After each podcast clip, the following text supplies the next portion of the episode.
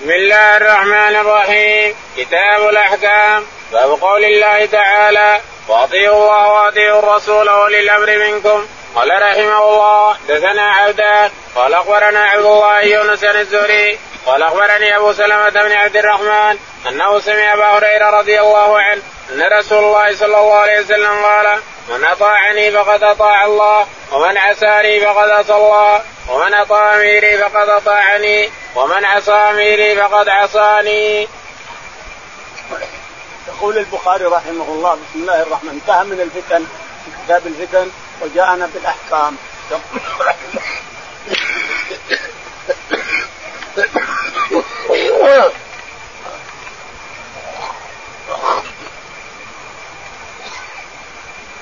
يقول بسم الله الرحمن الرحيم كتاب الأحكام الشرعية.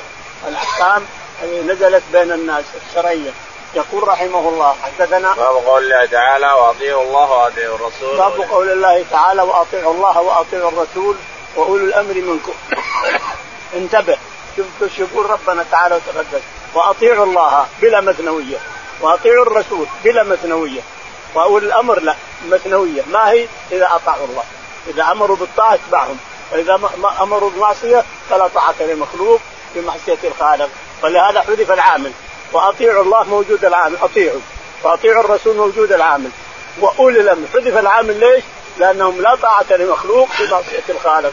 لا يمكن أن يطاعوا إلا إذا أمروا بطاعة الله تعالى وتقدم. أما يامروا بالمعصية فلا طاعة لمخلوق في معصية الخالق. نعم.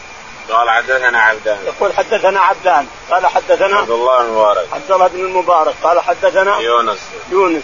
قال حدثنا الزهري. الزهري. قال عن أبي سلمة عن أبي هريرة. عن أبي سلمة بن عبد الرحمن عن أبي هريرة رضي الله تعالى عنه قال أن رسول الله صلى الله عليه وسلم قال من أطاعني فقد أطاع الله. أن الرسول عليه الصلاة والسلام قال من أطاعني فقد أطاع الله ومن عصاني فقد عصى الله. نعم. ومن أطاع أميري فقد أطاعني. ومن أطاع أميري أمير أمر واطاعه فقد أطاعني. من أطاع أميري سلطان يوضع على الأرض سواء سلطان خليفة عام في الأرض كلها مثل معاوية ومثل أو أمير في ناحية من قطر من الاقطار مثل سلطاننا مثل أميرنا سلطاننا الملك أو غيره. من أطاعه إذا أمر بطاعة الله فأطاعه الانسان وإذا أمر بمعصية فلا طاعة للمخلوق في معصيه الخالق. نعم. قال رحمه الله دثنا إسماعيل قال دثني مالك عن عبد الله بن دينار عن عبد الله بن عمر رضي الله عنهما أن رسول الله صلى الله عليه وسلم قال ألا كلكم راع وكلكم مسؤول عن رعيته فالإمام الذي على الناس راع ومسؤول عن رعيته والرجل راع على أهل بيته ومسؤول عن رعيته والمرأة راعية على أهل بيته من زوجها وولده وهي مسؤولة عنه وعبد الرجل راع على مال سيده وهو مسؤول عنه ألا فكلكم راع وكلكم مسؤول عن رعيته. يقول البخاري رحمه الله حدثنا إسماعيل. إسماعيل. قال حدثنا مالك. مالك. قال حدثنا عبد الله بن دينار. عبد الله بن دينار. عن عبد الله بن عمر. عن عبد الله بن عمر رضي الله تعالى انظر حتى الرسول بهذا الحديث. كلكم راع بعد قوله أطيعوا أميري. أطيعوا أميري أطيعوني ما اطعت أميري. جاب الراعي هذا أن الأمير هذا أميري هذا مسؤول. مثل غيرهم. مسؤول عما استرعاه استرعاه الله تعالى وتقدم. فالملك مسؤول عن رعيته عن دولته التي يقول عليها. مسؤول يوم القيامة. عريان ما قوم فلان ابن فلان. استوليتك على كذا وكذا ماذا عملت؟ يا فلان كذا وكذا يا فلان كذا وكذا يا أمير كذا وكذا يا فلان. حتى راعى البيت يسال عن بيته راعية صاحبة البيت يسال عن بيتها. إلى آخره. كل راع مسؤول عن رعيته. كلكم مسؤولون عن كل راع مسؤول عن رعيته نعم. ألا كلكم راع وكلكم مسؤول؟ ألا كلكم راع وكلكم مسؤول عن رعيته. ينظر من الأعلى من الأعلى الخليفة العام كان في خليفة عام من الأعلى ثم الأمراء ثم السلاطين ثم الملوك ثم كذا ثم كذا.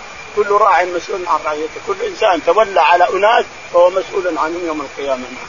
والإمام الذي على الناس؟ السؤال هنا عن العدل. هل عدلت بينهم إن كان عدل بينهم فنصيبه الجنة. وإن جار أو ظلم فنصيبه جهنم. نعم.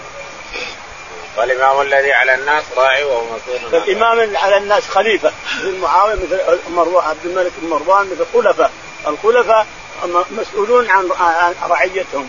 يعني من المشرق إلى المغرب يسأل عنهم يوم القيامة. حتى كما قال عمر رضي الله عنه لو سخلة ماتت في المشرق أو المغرب سئل عنها عمر. ام خليفه رضي الله عنه وأرضاه. نعم.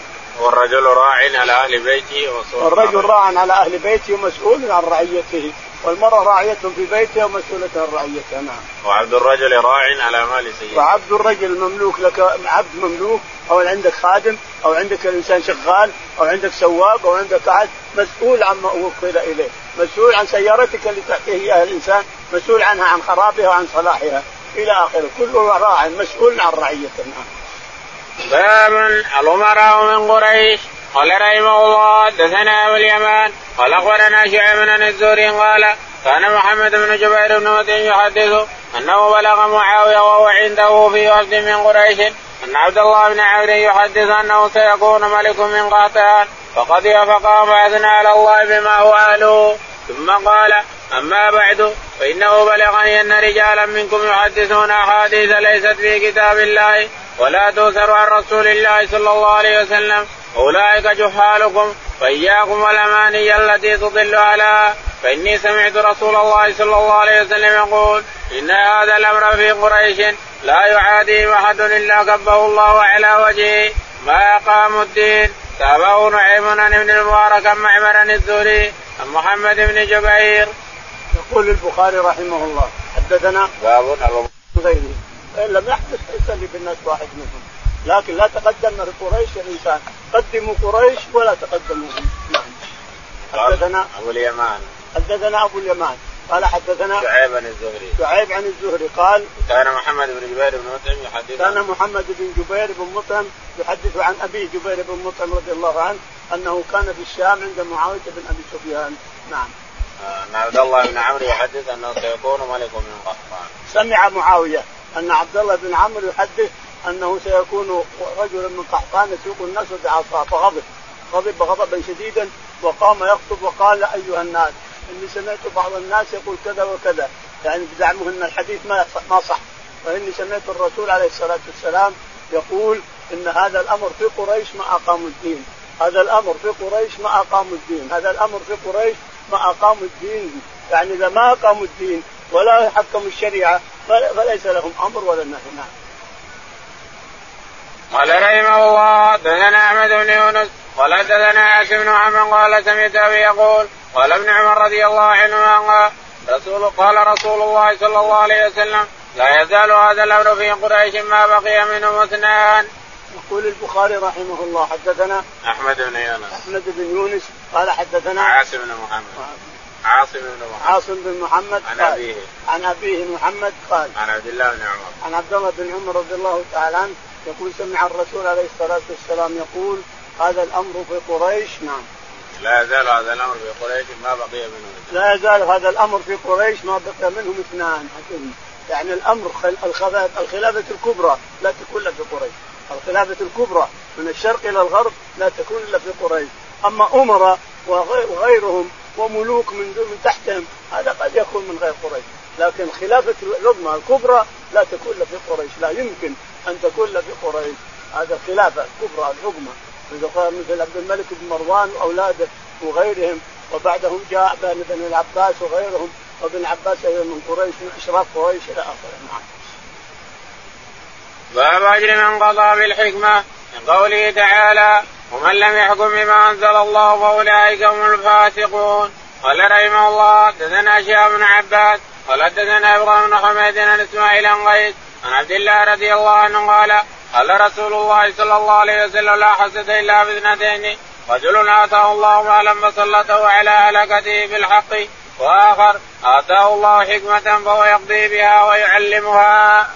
يقول البخاري رحمه الله باب أجر من قضى بالحكمة. باب أجر من قضى في الحكمه. حكمه كتاب الله وسنة الرسول عليه الصلاة والسلام. له أجر كبير عند الله. لا شك لا شك أنه له اللي يحكم بكتاب الله وفي سنة الرسول. لا شك أن له أجر عظيم عند الله تعالى وتقدم يقول حدثنا قال تعالى ومن لم يحكم بما أنزل الله فأولئك هم قال تعالى ومن لم يحكم بما أنزل الله فأولئك هم الفاسقون. هذه اخر آخر شيء. أول الآية ومن لم يحكم بما أنزل الله فأولئك هم الكافرون. هذا اللي ما يحكم الكتاب. القرآن نزل على محمد عليه الصلاة والسلام. اللي ما يحكمه فهو كافر كافر كافر.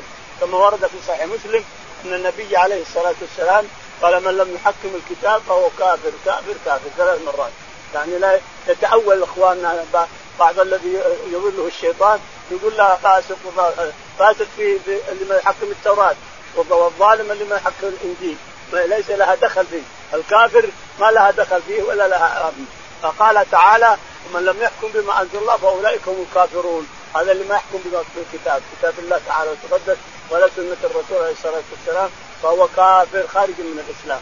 ومن لا ثم قال تعالى ومن لم يحكم بما أنزل الله فأولئك هم الظالمون. هذا اللي ما يحكم التوراة من من اليهود والنصارى. اللي ما يحكم كتابه فهو من الظالمين. ثم قال ومن لم يحكم بما أنزل فأولئك هم الفاسقون. هذا أهل الإنجيل. اللي ما يحكم الإنجيل اللي نزل على عيسى فهو من الفاسقين كما ذكروا. فجعلهم مراتب عليه تعالى وتقدس. ربنا تعالى وتقدس جعلهم مراتب. حكم القرآن هذا كافر خارج من دين الإسلام. حكم التوراة هذا ظالم. حكم الإنجيل هذا فاسق. إلى آخره. نعم. قال حدثنا شهاب بن عباس. يقول البخاري رحمه الله حدثنا شهاب بن عباس. شهاب بن عباس. قال حدثنا إبراهيم بن محمد. إبراهيم بن محمد. قال حدثنا إسماعيل. إسماعيل. قال عن قيس. عن قيس بن أبي حازم. إسماعيل بن بن أبي خالد. عن قيس بن أبي حازم. اثنين هذول مثل محمد بن المثنى ومحمد بن بن بشار. اثنين في أول السند وهذول في آخر السند. نعم. عن عبد الله. عن عبد الله بن مسعود قال قال رسول الله صلى الله عليه وسلم لا حسد إلا في اثنتين. قال قال الرسول عليه الصلاة والسلام لا حسد إلا في اثنتين يعني لا غبطة. ما تغبط الإنسان على الدنيا الدنيا كلها تافهة ما لها قيمة. لكن إذا غضبت الاثنين الاثنتين هذه فهي غبطة حسنة. يقول لا حسد يعني لا غبطة إلا في اثنتين. رجل عنده مال فقسمه على الناس. هذا أعطى هذا يعطي الفقراء يعطي المساكين يعطي هذا ويدق على بيوت الناس يعطيهم. يدين الناس يسمح لهم ويشطب على إنسان كان مدين ويخرج السجناء من من السجن وكذلك ويعطي غزو يغزو في سبيل الله إلى آخره. فهذا أسأل الله الكريم فضله له أجر عظيم عند الله. الثاني رجل حكم بالحكمة. فالناس يتمنون أن يكون فالناس يتمنى هذا أن يكون مثل الأول يتصدق بماله والثاني يتمنى أن يكون مثل الاخير الذي حكم بالحكمه حكم بكتاب الله وسنة النبي عليه الصلاة والسلام. باب السمع والطاعة للإمام. ولم تكن معصية. قال رحمه الله دثنا مسدد. قال حدثنا يحيى شعبة. عن أبي عن أنس بن مالك رضي الله عنه قال قال رسول الله صلى الله عليه وسلم اسمعوا واتيه وأن استعمل عليكم عبد حبشي كأن رأسه زبيبه. يقول البخاري رحمه الله باب السمع والطاعة لكل من تولى أمر المسلمين إلا إذا أمر بمعصية. وإلا فلكل من تولى أمر المسلمين. امير تولى على الناس ولا ملك تولى على الناس تسمع وتطيع الإنسان وحرام عليك الخروج عن طاعته. إلا إذا أمر بمعصية فلا طاعة للمخلوق في معصية الخالق. يقول البخاري حدثنا مسدد.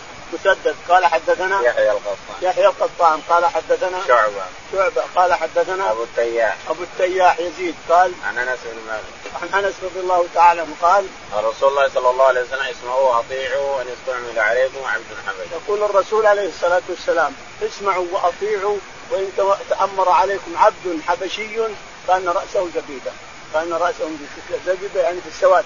يعني زبيبة سوداء ورأسه أسود. وإن تولى وإن تولى عليكم عبد حبشي كان رأسه زبيبة قال رحمه الله دثنا سليمان بن حرب قال دثنا حماد الجعد عن أبي رجاء عن ابن عباس رضي الله عنهما يروي قال قال النبي صلى الله عليه وسلم من رأى من أميره شيئا فكرهه فليصبر فإنه ليس أحد يبارك الجماعة شبرا فيموت إلا مات ميتة جاهلية. يقول البخاري رحمه الله حدثنا سليمان بن حرب. سليمان بن حرب. قال حدثنا حماد بن زيد. حماد بن زيد. قال حدثنا الجعد. الجعد. قال عن أبي رجاء. عن أبي رجاء العطاردي قال عن ابن عباس. عن ابن عباس رضي الله عنهما قال النبي صلى الله عليه وسلم قال من رأى من اميره شيئا فكرهه فليصبر يقول النبي عليه الصلاه ابن عباس يقول أن النبي عليه الصلاة والسلام قال من رأى من أميره شيئا يكرهه فليصبر. لأن النبي عليه الصلاة والسلام قال في حديث آخر إذا طلبوا منكم أموالكم اعطوهم إياها. وأنتم اطلبوا أموالكم إلى الله. اطلبوا الاحتساب أنتم إلى الله. إذا طلبوا منكم أموال أعطوهم إياها. واحتسبوا أمركم عند الله. يعطيكم ربكم تعالى وتقدم. فالشاهد هنا قال من أطاع أميره فقد أطاع الله. ومن عصاه فقد عصى الله. إلى اخره نعم. فإنه ليس أحد يفارق الجماعة شبرا فيموت إلا مات في جاهلية. فإنه ليس أحد يفارق الجماعه كان في رقبة جماعة وكان في رعية وكان في دولة وتحت سلطان أو ملك. ثم بعد ذلك يفارقهم فإنه لا يموت ميتة جاهلية. يعني كأنه مات بالجاهلية التي ما أسلم قال رحمه الله حدثنا مسدد قال حدثنا يحيى بن سعيد عن عبيد الله قال حدثني نافع عن عبد الله رضي الله عنه النبي صلى الله عليه وسلم قال السمع والطاعة على المرء المسلم فيما أحب وكره ما لم يؤمر بمعصية فإذا أمر بمعصية فلا سمع ولا طاعة. يقول البخاري رحمه الله حدثنا مسدد. مسدد قال حدثنا يحيى. يحيى قطان قال حدثنا عبيد الله بن عمر. عبيد الله بن بن عبيد الله قال عبيد الله بن عمر العمري. عبيد الله العمري قال عن نافع عن ابن عمر. عن نافع عن ابن عمر أن النبي عليه الصلاة والسلام قال السمع والطاعة على المرء المسلم فيما أحب وكره. يقول عليه الصلاة والسلام السمع والطاعة على المسلم فيما أحب وكره. سواء كرهت يعني الملك أمر أمر. سواء كرهت لازم تطيعه إلا إذا كان معصية. لازم تطيع الملك. إذا أمر بأمر في طاعة الله والامر في مصلحة المسلمين لازم تطيعه الإنسان.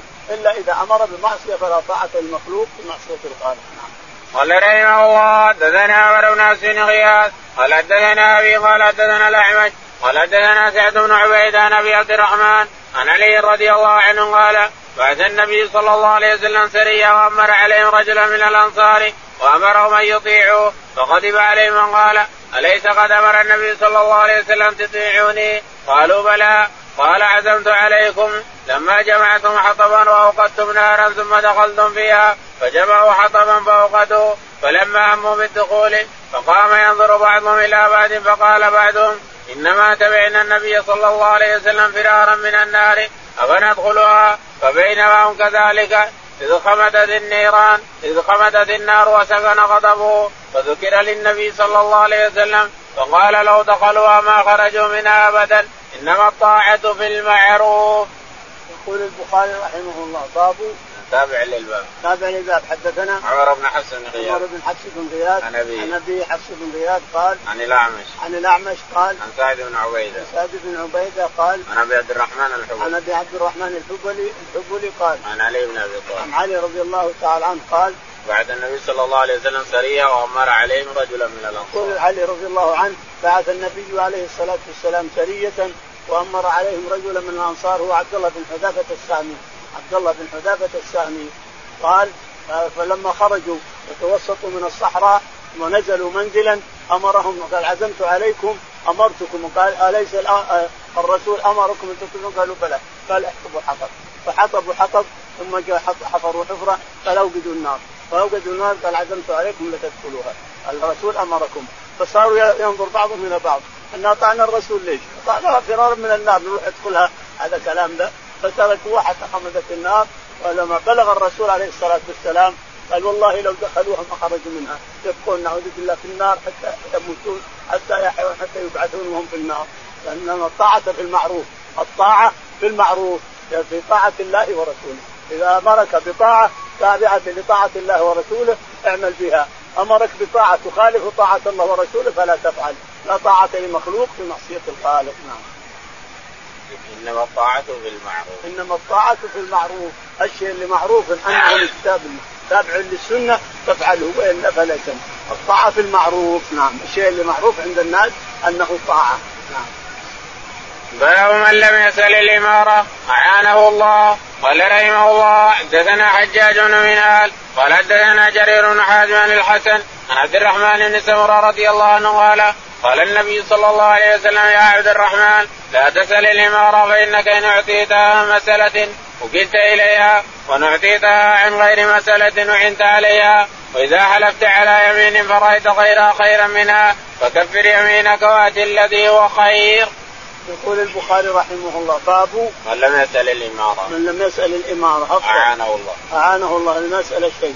يعني لا تسأل شيء لكن المشكلة يومنا هذا أنك ما تعطى عمل لك بسؤال لازم تسأل ولا ما تعطى.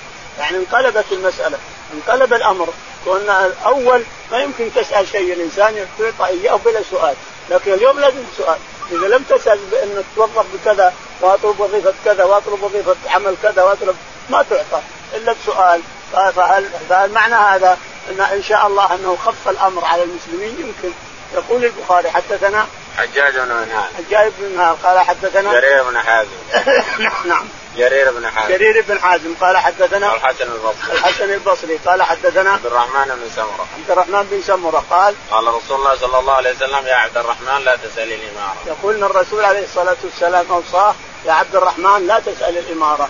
فإنك ان اعطيتها مسألة وكلت اليها فإنك ان اعطيها بمساله طلبتها توكل إليها توكل إليها ولا توفق وإن أعطيتها بلا مسألة فأنت عليها بلسان يوفقك الله ويعينك الله عليها. إذا قالوا تعال فلان بدك أمير بكذا وكذا بدون مساله وصرت أمير وفقت بإذن الله وسدد الله خطاك. وإذا قلت اعطوني اعطوني أمير اعطوني العمل الفلاني اعطوني ما توفق ولا تسدد. الانسان نعم. وإذا حلفت على يمين فرأيت غيرها خيرا ثم قال عليه الصلاة والسلام وإذا حلفت على يمين فرأيت غيرها خيرا منها فكفر عن اليمين عشرة مساكين إطعام عشرة مساكين أو صيام ثلاثة أيام كفر عنها اليمين وخذ الشيء الخير خذ اللي غيرها. رأيت غيرها خيرا منها خذ الخير التي فيها خير اليمين اللي فيها خير واترك هذه وكفر عنها. فلا يضرك إن شاء الله. نعم. باب من سأل الإمارة وكل إليها. بس صدري اللهم اهدنا فيمن هديت وعافنا فيمن عافيت تولنا فيمن توليت. اللهم توفنا مسلمين قال حسن الصالحين